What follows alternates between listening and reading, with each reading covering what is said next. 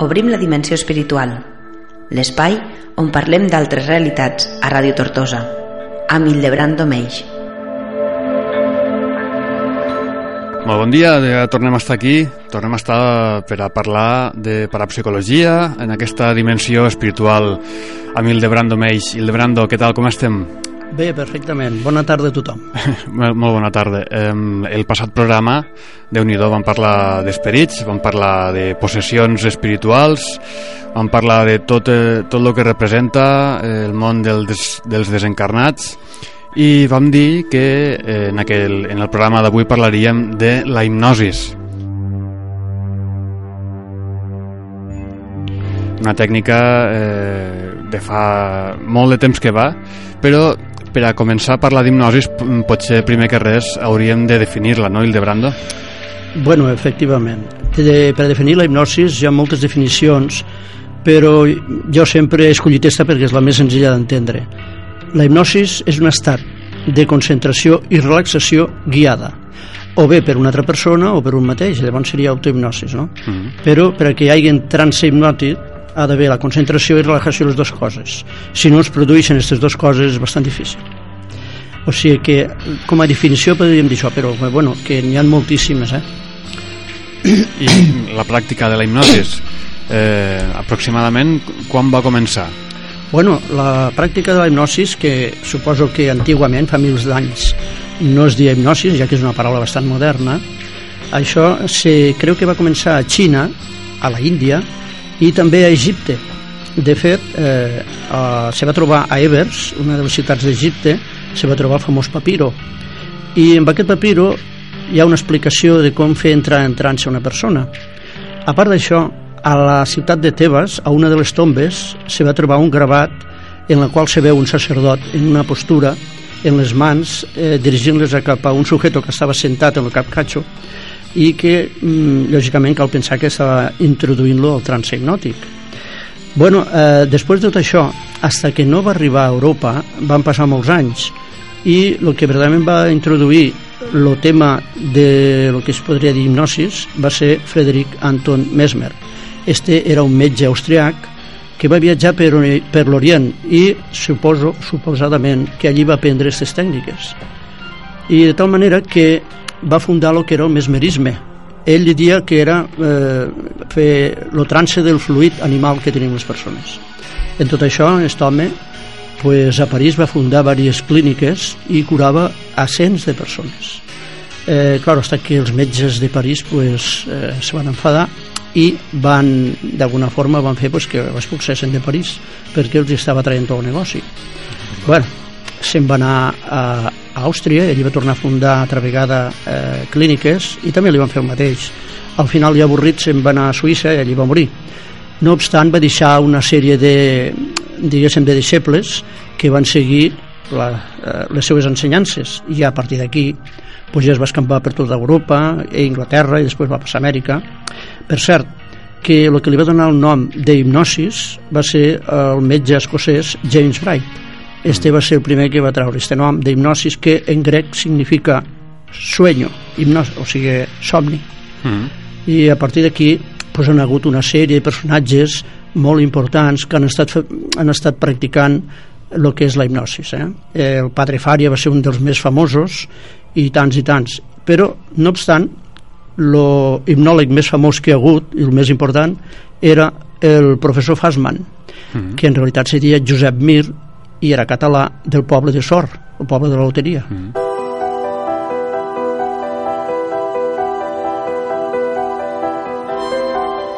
Aquest home va aconseguir el rècord d'hipnotitzar més persones al mateix temps. Eh? A part d'això va pegar la volta al món diverses vegades fent hipnosis d'espectacle i probablement se'l considera el millor hipnòleg de la història.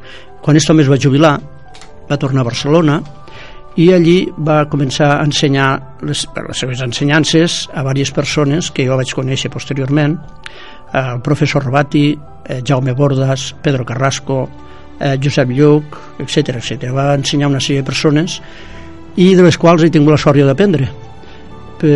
A partir d'aquí pues, bueno, eh, més o menys aquesta és una mica una ressenya així una mica apretada del que és mm. la història de la hipnosis. Jo, jo encara recordo eh, el programa aquell de TV3, La vida en, en un xip, que eh. sortia el, el professor Fassman. Exactament. I, bueno, jo era molt petit, no?, però el que feia, déu nhi no només feia hipnosi, sinó que feia moltes més coses, aquest home. Sí, eh, suposo jo que tenia les facultats eh, desenvolupades, eh, mm. mentals. A part d'això, eh, la hipnosi la gent se pensa que és dos persones que es posen d'acord pues, per a fer un acte teatral però la hipnosi és una ciència i és una ciència des de l'any 1882 en què el doctor Charcot de París va fer una investigació, va presentar un informe a la Real Acadèmia de les Ciències de París i va ser acceptat com una ciència i es va englobar dins de les ciències no exactes, com poden ser la psiquiatria o pot ser la psicologia. Eh? A partir de llavors és una ciència. Eh, en fi, que no, la gent ignora bastant sobre la hipnosi perquè l'únic que sap de la hipnosi és el que ha vist a les pel·lícules o el que ha vist per la televisió però no deixa de ser una ciència eh? mm. hi ha una anècdota i és que hi ha un dentista català que l'any 1819 va fer una operació eh, una extracció dentària baix hipnosis, o sigui, no va utilitzar ni anestèsia ni res eh? o sigui que és un detall D'aquella època, ja l'any 1819, ja, ja hi havia gent que practicava això.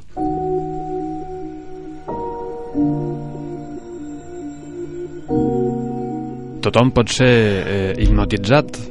Bueno, tothom pot ser hipnotitzat. El que passa és que uns són més fàcils i altres més difícils. Mm. Llavors, els hipnòlegs pues, ho tenen classificat ja per la forma de la cara i alguns rasgos més, per a saber qui és més sensible i qui no és tant. Eh? Per exemple, aquelles persones que tenen la cara quadrada, tipus Schwarzenegger, l'actor este, pues estos són els més difícils. Estos entrarien un 20%. Els de més pues, són gent molt apegada a la terra. O sigui, si no toco, mm. no, no crec. Eh? Llavors, estos són els més difícils. Eh, després estan els rectangulars, que tenen la cara rectangular que no deixa de ser quadrada però allargada uh -huh. i estos també són dificilets però esto ja un 40% ja entrarien després estan els que tenen la cara redona estos ja comencen a ser sensibles eh? estos ja entraria un 60, un 70% ja entren fàcilment en hipnosis i ja per últim estan els que tenen la cara triangular que estos són els més sensibles els més fàcils eh? estos ja pràcticament el 80% entren tots llavors hi ha, hi ha per exemple uns datos que són els que indiquen, a part de, de la cara, la forma de la cara, que indiquen la sensibilitat o no de la persona. Per exemple, el tindre les orelles grans, els ulls molt junts respecte al nas, mm. I tindre el cap de, de la nuca plana, això indica dificultat. Eh? Llavors, el tindre les orelles eh, petites, els ulls separats grans, indica sensibles, persones sensibles. I si tenen un hueco aquí darrere la nuca, doncs més sensibles encara. Llavors, claro, quan un hipnòleg pues, si té que fer una hipnosis, el primer que mira és l'aspecte de la persona uh -huh. per a saber si tindrà problemes o no. I quan és hipnosis d'espectacle, sempre escollixen persones que tenen la cara redona o triangular. Perquè, claro, no es poden arriesgar a agafar una persona a la cara quadrada i que estiguin allí rato i més rato i que no entre en trance, el qual significaria fracassar. Per tant, eh, el que és hipnòleg pues, se basa a cop d'ull en aquests rasgos. Després, si és la persona és molt nerviosa o més tranquil·la, també. Eh? O sigui que tothom és hipnotitzable. El que passa és que n'hi ha que són més difícils mm. i altres no tant. A part d'això, una vegada has parlat amb la persona, l'has observat, pues se fa la prova més ràpida, que és el braç. El braç sabem eh, fem una prova en braç per a saber la sensibilitat de, del personatge. Mm. Després hi ha més proves però se comença per aquí, perquè clar, com, com veigues ja un que és difícil, pues és quasi vegades molt millor dir-li, escolta, ja tornar un altre dia, que, això no va. Avui no. I, i quina és la, la prova del braç? Bueno, és una prova en la qual s'aixeca el braç en l'aire, mm. se l'agafa, l'operador l'agafa en les dues mans, com si l'aguantés a ell, i en un moment donat la solta. Si el braç cau ràpidament és que és sensible. Si l'aguanta és que el personatge mm. domina ell, és ell qui controla. Llavors, estos són difícils. Uh -huh. Esta és una prova la més ràpida, després n'hi ha d'altres. Eh? Està la caïda hacia atrás que diem, que aquesta és una altra prova definitiva.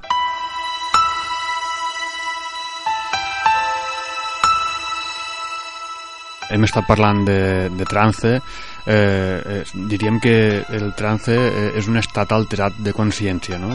Podríem definir-ho així, Sí, suposo, sí, per, sí. A la, per a que la gent que ens escolta i que no sàpiga exactament a què ens referim. Sí, sí.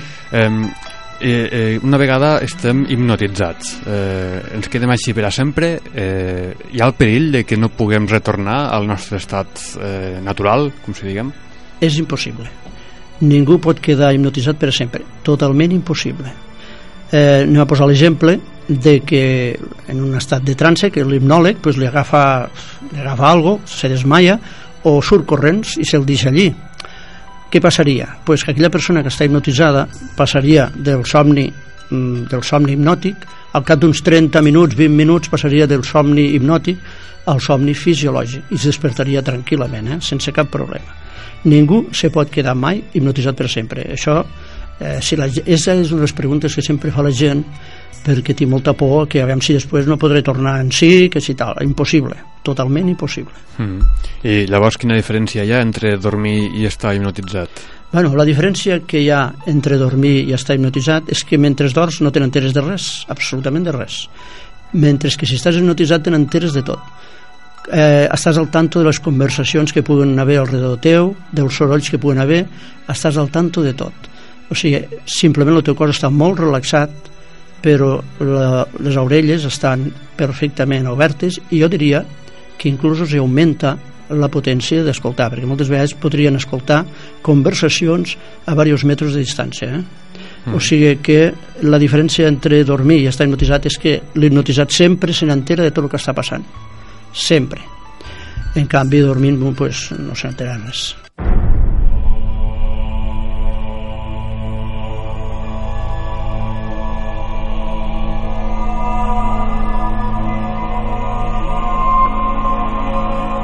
Podríem dir, per una altra banda, que eh, la consciència es desplaça eh, en un estat hipnòtic del camp físic a un altre camp o a, o a, o a un altre aspecte de, de l'ésser? Si l'hipnòleg li diu que ho faci, sí. Si li diu traslada la teva consciència a casa de fulano, tal direcció, tal altre, pues ho farà, perquè jo ho he vist fer-ho, a més. Eh? Ah. Això sí. Si li ordena, per supost que sí. És a dir, que seria com una projecció astral, en Exacte. aquest cas. Sí, sí, sí. Efectivament. Jo he vist fer, eh, ves a casa de fulano i mira l'estanteria i hi ha un llibre, vegues com se diu aquest llibre. I obri per la pàgina tal, i, des, i agafar i, i llegir la pàgina tal, eh? i el nom del llibre. Això he vist fer-ho a Barcelona, jo. déu nhi Se m'està ficant la pell de gallina, eh? no sé els nostres oients, però eh, a veure, seguim. Eh, una, una persona hipnotitzada, eh, si, si l'hipnòleg és una mica, diguem, no massa bo, li pot eh, fer fer el que vulgui, qualsevol cosa? No, o sigui, a veure, eh, això s'ha de deixar ben clar. O sigui, eh, ningú se li pot fer fer res que vagi en, en contra del seu còdic moral. Absolutament res. En canvi, a veure, l'hipnòleg pot manipular la persona que està hipnotitzada, per descomptat. Però si, per exemple, l'hipnòleg li digués a una persona honrada vés allí i roba, aquella persona, com el seu còdic moral li impedeix, no robaria. Abans se despertaria del trance que robar. Ara bé, si aquesta persona està acostumbrada a robar, el seu còdic moral li permeteix, anirà allí i robarà, això per descomptat. Per tant, totes aquelles coses que van contra el nostre còdic moral no ens poden obligar a fer-les, impossible. Abans ens despertaria. Una altra cosa és que si lo, a l'operador, l'hipnòleg, l'enganya, lo manipula, llavors lo pot enganyar i sí que li pot fer. Per exemple, eh, una persona no té per què suïcidar-se, però ha imaginat que l'hipnòleg pues, agafa i diu, mira, ara tens una calor que t'estàs encenent en vida, una calor que no la pots aguantar. Anem, que pujarem al quart pis, a un terrat, i des d'allí dius, ara aquí baix hi ha una piscina en una aigua fresquíssima. Si et tires, te passarà la calor. Aquella persona es tiraria. Se tiraria perquè creu que allí hi ha una piscina i li passarà la calor. Però no perquè es vulgui matar ni molt menys. Això és el que se diu una manipulació. Eh? Mm. Però res que vaya contra la teva ètica moral, mm, res te poden fer fer. Llavors, absolut. podríem dir que eh, eh, sí que es pot eh, aconseguir qualsevol cosa de l'hipnotitzat sempre que eh, l'enunciat sigui enganyós, no? Podríem dir-ho així. Bueno, sí, efectivament, si es manipula, pues sí, però això hem de tindre molt en compte en qui ens posem en mans per fer una hipnosis. Evidentment, perquè tampoc suposo que no es pot hipnotitzar algú per la força. No, en absolut. Se necessita se necessita concentració i relajació i que la persona vulgui. Si la persona vol ser hipnotitzada, no la hipnotitzaràs, estarà, està previnguda i no la hipnotitzaràs. Ara bé, hi ha algunes eh, tècniques de xoc per a casos especials que jo desconec, no les he practicat mai, però sí el professor Jaume Bordas m'explicava que un dia es va trobar un accident a la carretera en què un motorista eh, s'havia seccionat el braç, el, el clàssic eh, xocar contra la valla. Mm -hmm i estava sangrant bastant i a més ell estava conscient, s'ho estava veient i estava desesperat. I pues, bueno, va emplear una tècnica de xoc hipnòtica i va fer pues, claro, que entrés en trance, se li va parar la hemorràgia aquella persona es va relajar hasta que van arribar les ambulàncies en aquests casos sí, eh? hi ha tècniques de xoc però normalment una persona si diu, escolta que et vaig a hipnotitzar si tu no vols que t'hipnotitzi és impossible i això que el cine apareix molt en algunes pel·lícules que un hipnòleg se queda mirant la, als ulls a un altre ja que ell entra en trance, això és mentira, eh? en absolut, no, no hi ha possibilitat. Aquella persona ha de saber i ha de, ha, ha de col·laborar, per dir-ho així, per entrar en hipnosis. No, yeah. El que passa que les pel·lícules en el tema de la hipnosis han donat una idea bastant bastant diferent del que en realitat és. Com si tingués algun tipus de poder, no? Sí. Hipnòleg, que, sí. però no, no és cert això, suposo.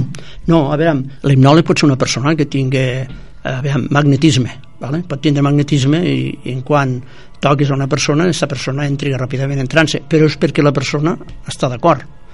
Vale? Hi ha persona que té molt de poder en això.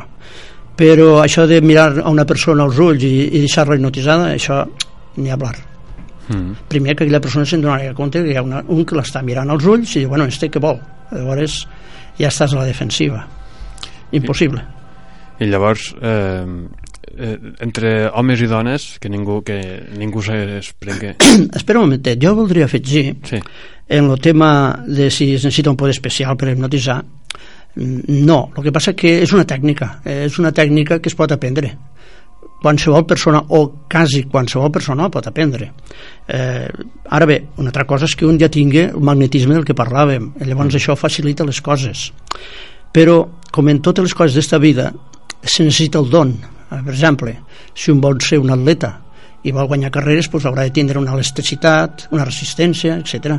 Tots podem córrer, però guanyar una carrera la guanyarà aquell que té el don, té el cos adequat per a això. Uh -huh. pues però la hipnosi és igual, aviam, per a l'hipnosi el que es necessita és tindre una veu, una seguretat en tu mateix, perquè si tens una veu de pito, pues, eh, no dormiràs a ningú.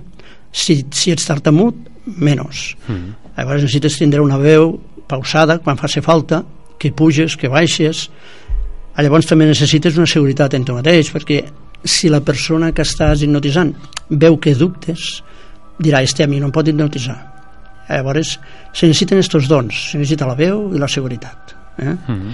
Però és una tècnica que es pot aprendre, no és que diu, no, és que això és una facultat mental que només tenen quatre. No, no, en absolut. Si un vol aprendre hipnosi, es pot aprendre.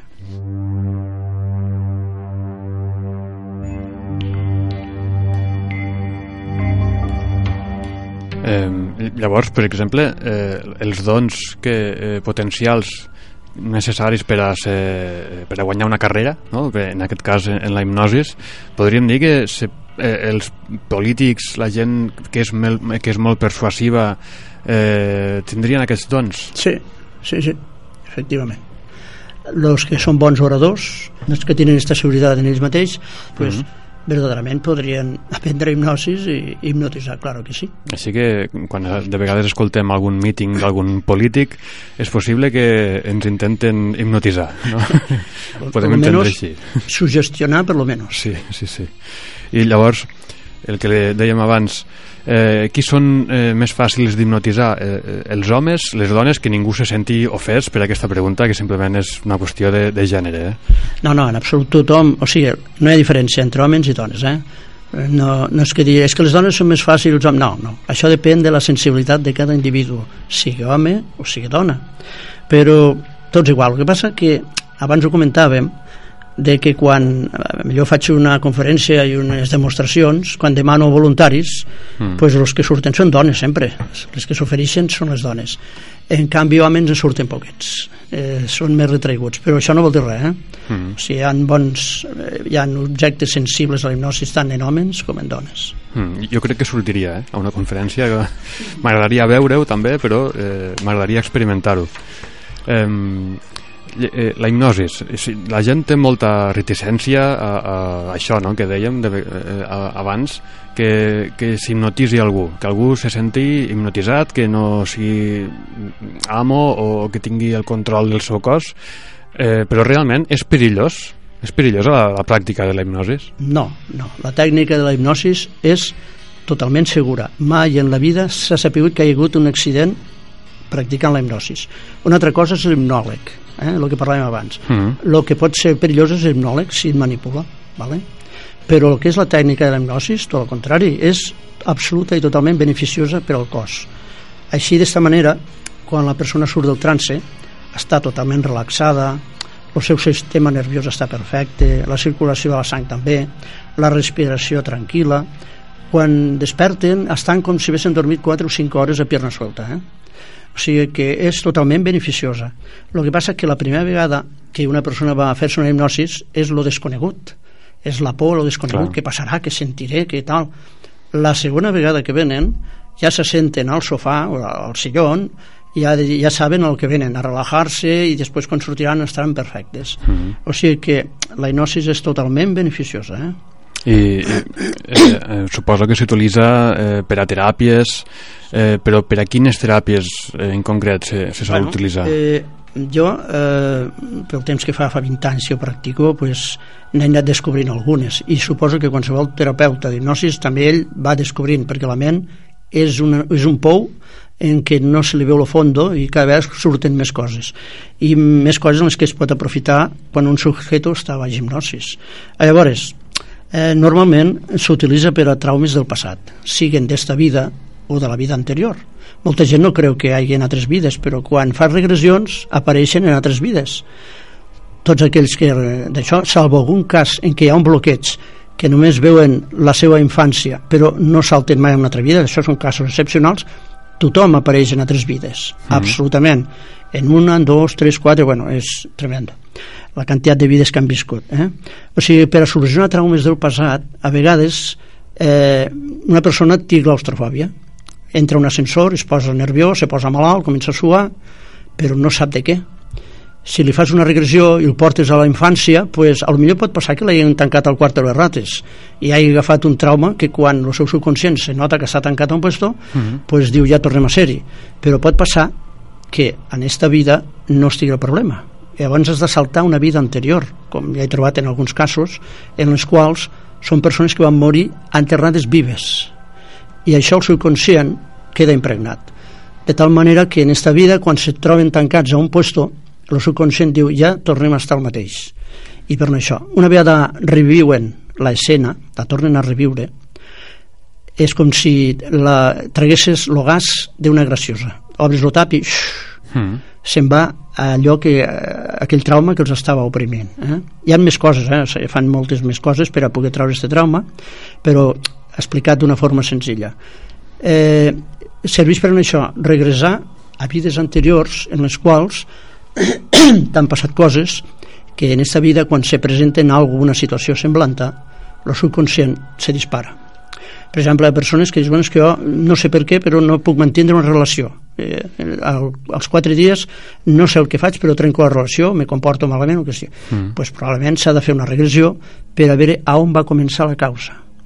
Perquè hi ha una llei que ja ho parlarem un dia de les set lleis universals que és la causa i l'efecte totes les coses comencen un dia i després estan els efectes. Mm. la causa i l'efecte el que trobem els hipnòlegs és la causa que va produir aquest problema ho limpiem d'alguna forma i al cap de 15 dies o així aquella persona ha canviat eh, si per exemple tenia claustrofòbia bueno, no és que estigui molt content quan està un puesto tancat però pot estar mm. persones que tenen temor als gossos perquè en vides anteriors han sigut devorats per gossos quan veuen un gos a 10 metres és que ja se posen histèrics bueno, quan després se'n va a la causa que va produir allò i veu que allò va ser una altra vida i tal i qual pues, llavors això desapareix. I tenim una amiga que va morir devorada en una vida anterior per gossos i en esta és que no es podia tensar els gossos.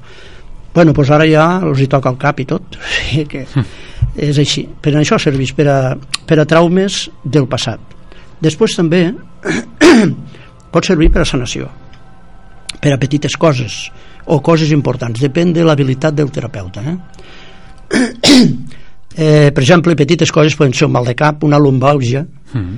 en les quals pues, poses en trance ell, la persona ja t'indica anti el dolor i llavors allà li poses el que jo dic que això no està als llibres injeccions celestials en lo dit uh mhm. -huh. fas veure que és una injecció i li poses un anestèsic uh mhm. -huh. un anestèsic un regenerador de la zona i tal quan desperten se'ls ha anat la llum ja no tenen cap dolor i estan dies sense cap dolor si tenen verdament algun problema a la columna vertebral, cap dos dies allò pot tornar. Eh? Però això sempre s'ha al metge per a saber on està lo, el problema. Evidentment, aquí no, no diem... No, en absolut. No eliminem la, aquesta primera opció, eh?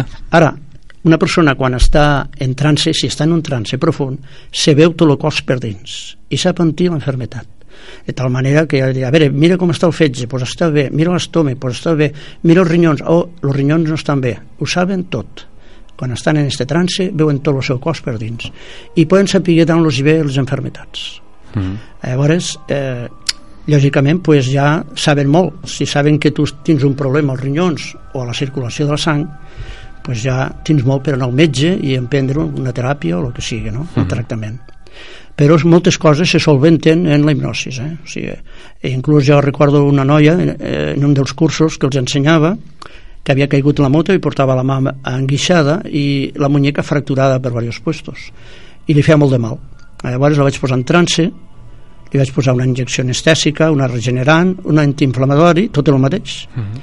i ells ho senten, eh? com els entra el líquid de la injecció i com arriba pues, bueno, pues, la noia va estar 5 o 6 dies sense cap dolor però aquestes coses serveix eh?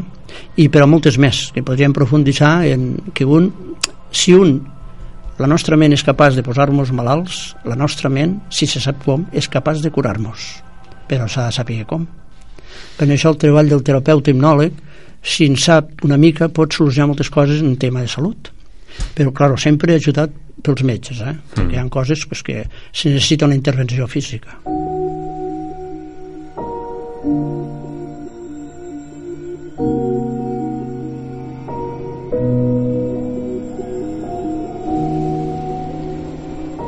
Abans eh, hem parlat de, de regressions eh, en hipnosis. Eh, exactament què és una regressió? Retrocedim el temps. O sigui, si la persona la fas entrar en trance i li fas ara, pues estaràs a l'edat de 10 anys. Mira si és un problema que tens ara, pues no, no està aquí. Retrocedís el SIC, tampoc. Al ventre de la mare, tampoc. Pues vés a la causa que va produir este problema que tens ara. I apareixen, millor, escolta, estic a una granja, estic a, jo què sé, a un poble, estic dalt d'una muntanya, estic al mar llavors a partir d'aquí li fas trasladar el moment que van passar els fets que li estan produint el problema ara i a partir d'aquest moment te va relatant tot el que va passar mm. eh, normalment en les regressions sempre apareix en una vida anterior en què tu pues, t'han fet mal t'han torturat, t'han robat, t'han enganyat t'han violat, t'han fet de tot t'han matat llavors quan dius bueno, pues, este és l'efecte anem a, a la vida anterior que va començar la causa per aquest passés a tot això. I llavors, lògicament, apareix en una altra vida en la que ell va torturar, va robar, va matar i va fer tot exactament el mateix que li estava passant a ell en aquella vida. O sigui, tot és causa i efecte.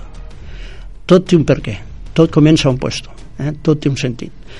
I les regressions és el millor llibre de la vida que conec. Jo he après moltíssim per a comprendre com funciona l'evolució de les persones i tot el que ens passa perquè allí les persones quan estan en hipnosis no mentixen en absolut uh. -huh. a menys que estiguin al primer nivell d'hipnosis hi ha tres nivells llavors si estan al primer nivell sí que poden mentir però quan entren al segon nivell o al tercer diuen la veritat tal qual és sigui la que sigui per tant és el millor llibre de la vida que hi ha les regressions allí comprens per què mos passa això per què mos passa allò tot té un sentit déu nhi interessantíssim eh, aquest tema de, de les regressions. Eh, per ser hipnòleg, què podem fer? Per bueno, on comencem? En, en principi, estudiar llibres d'hipnosis. Quan més ne lliges, més tècniques, més coses aprens.